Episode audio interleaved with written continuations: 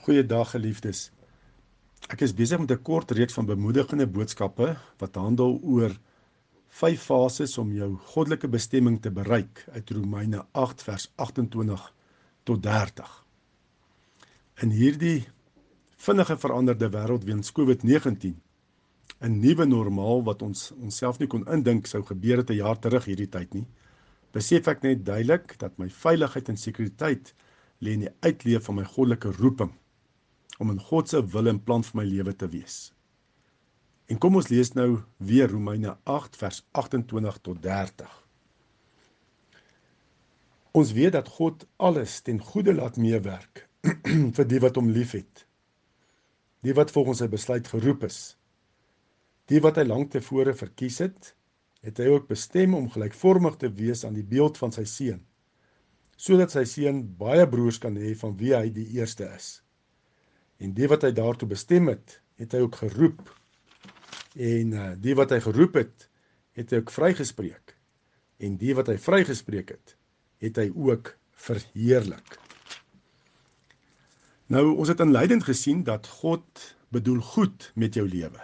Dit is waarop alles verder bou. Nê, nee, dat God bedoel goed met jou lewe. En dit moet jy vasmaak in jou eie lewe.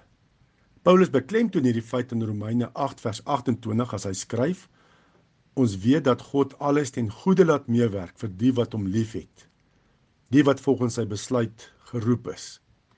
En God gebruik alle omstandighede, positiewe en veral die negatiewe, om ons te vorm sodat hy nog groter dinge in en deur ons kan doen in hierdie wêreld. Hoop wat gefestig is op gunstige omstandighede sal jou baie keer teleurstel. Maar wanneer ons hoop gefestig is op die liefde van God, dat hy goed bedoel met ons lewens en karakterontwikkeling, dan sal ons nooit teleurgestel word nie. En dan gaan Paulus verder in Romeine 8 vers 29 en 30 en gee vir ons basies 5 fases om by jou goddelike roeping of by jou goddelike bestemming uit te kom. Hy verbind vers 29 aan vers 28 se geroepenis want hy begin vers 29 met die Griekse voegwoord hoti wat beteken want en hierdie Griekse woord ehm um, verbind sinne. En dan gaan ons kyk na die vyf fases, maar ek ehm um, van net vinnig eers 'n kort opsomming gee van fase 1 en 2 en dan meer fokus op fase 3 met hierdie boodskappe. Met hierdie boodskap vanoggend. fase 1 van jou roeping is want die wat hy van tevore geken het, net dis vers 29.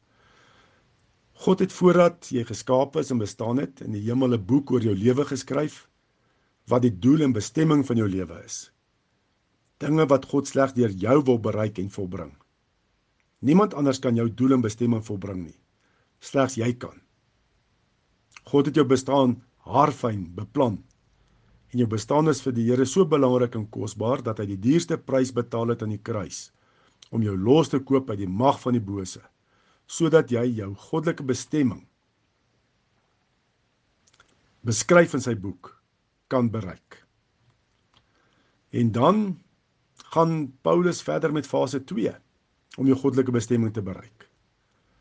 Ehm um, fase 2 so dit staan die het hy ook van tevore verordeneer om gelykvormig te wees aan die beeld van sy seun sodat hy die eersgeborene kan wees onder baie broeders. Hoe meer en groter dinge God deur jou wil doen, hoe meer moet jy verander word om gelykvormig te wees aan die beeld van sy seun. Uit Jesus se lewe op aarde sien ons uh, drie metodes, veral drie metodes wat God gebruik om ons te vernuwe na Jesus se beeld.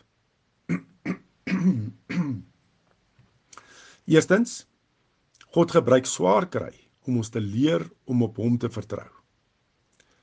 En tweedens, God gebruik versoekings van Satan om ons te leer om op hom om hom te gehoorsaam.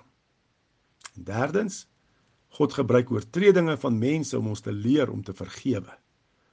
En dit is die tweede fase om ons goddelike bestemming te bereik, om verander te word om gelykvormig te wees aan die beeld van sy seun. En dan nou spesifiek vanoggend fase 3. Soos dit staan in vers 30 en die wat hy van tevore verordeneer het, dit hy ook geroep Die Griekse werkwoord beteken letterlik om dringend iemand uit te nooi om die verantwoordelikheid te aanvaar vir 'n spesifieke taak. God roep jou. Hy wys aan jou jou spesifieke bestemming wat hy vir jou beplan het. Hy doen dit deur dat 'n sekere saak gryp jou in die hart. Josef is geroep om te regeer. Moses om die Israeliete uit slawerny te bevry. Joshua om die Israeliete die beloofde land in te lei. Jou roeping raak vir jou 'n passie. Jy sal dit doen sonder om daarvoor betaal te word. Jy is byvoorbeeld 'n trokbestuurder omdat jy daarvan hou en dit is jou roeping. Ek dink 'n dubbele dek busbestuurder moet moet verseker, dit moet 'n roeping wees vanweë die verantwoordelikheid wat so bestuurder in sy hande het as hy daai bus bestuur. En ek hoop jy doen jou werk wat jy doen. Verskoning. Ek hoop jy doen die werk wat jy doen, byvoorbeeld om 'n dokter, onderwyser, prokureur, rekenmeester, besigheidsman of vrou te wees. Ek hoop jy doen dit nie hoofsaaklik vir die geld nie, maar omdat jy daarvan hou en dit jou roeping is.